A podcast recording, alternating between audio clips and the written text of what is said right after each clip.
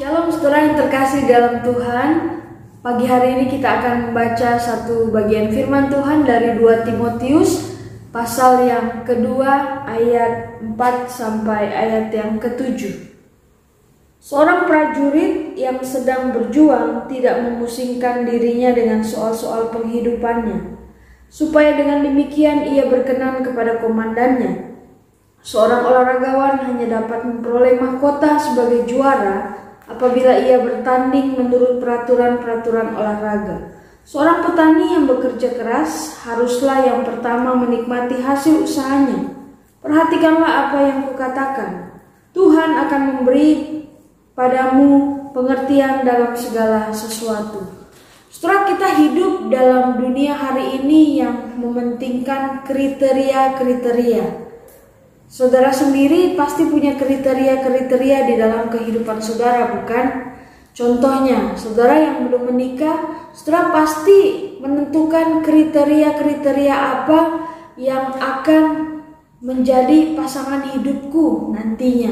Misalnya, saudara mungkin sudah menetapkan kriteria dia harus tulus, dia harus jujur, dia harus pekerja keras, dan lain sebagainya.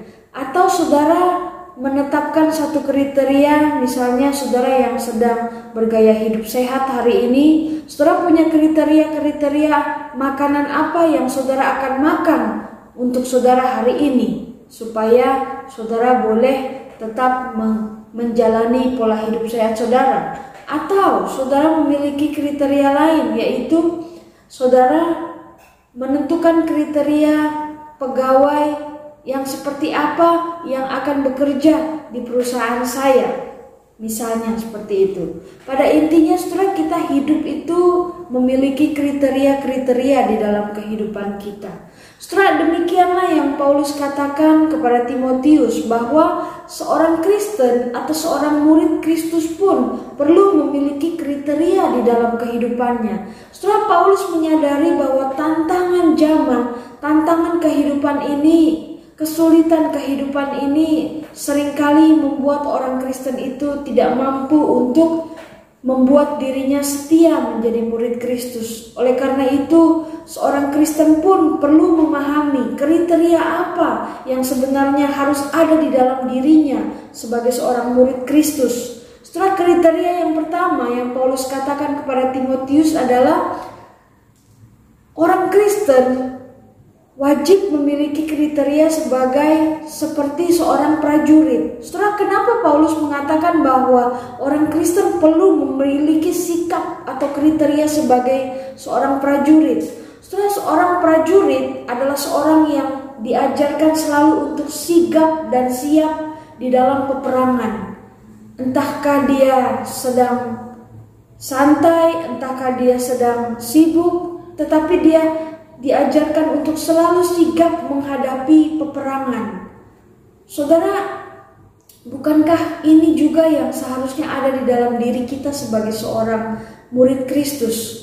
Saudara, kita harus memiliki sikap mental seperti seorang prajurit yang sigap dan siap selalu untuk menghadapi peperangan. Peperangan apa yang sering kali kita hadapi dalam hidup ini? Mungkin kemalasan diri kita yang harus kita perangi setiap hari. Mungkin ada begitu banyak hal-hal yang tidak benar di sekeliling kita yang harus kita perangi setiap hari.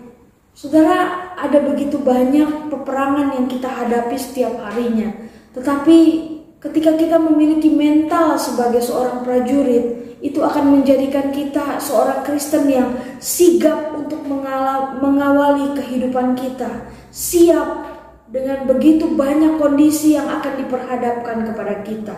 Itu kriteria yang pertama, yaitu orang Kristen perlu memiliki kriteria seperti seorang prajurit yang sigap dan siap untuk menghadapi peperangan di dalam kehidupan ini. Setelah kriteria yang kedua yang Paulus katakan bahwa orang Kristen perlu memiliki kriteria seperti seorang olahragawan. Setelah seorang olahragawan terkenal dengan apa? Dengan kedisiplinannya. Seorang olahragawan harus melatih tubuhnya atau fisiknya dengan disiplin, bahkan dia harus disiplin untuk makan makanan yang boleh ia makan dan tidak boleh ia makan. Setelah kedisiplinan ini akan menolong seorang olahragawan ketika dia ada di arena pertandingan nantinya.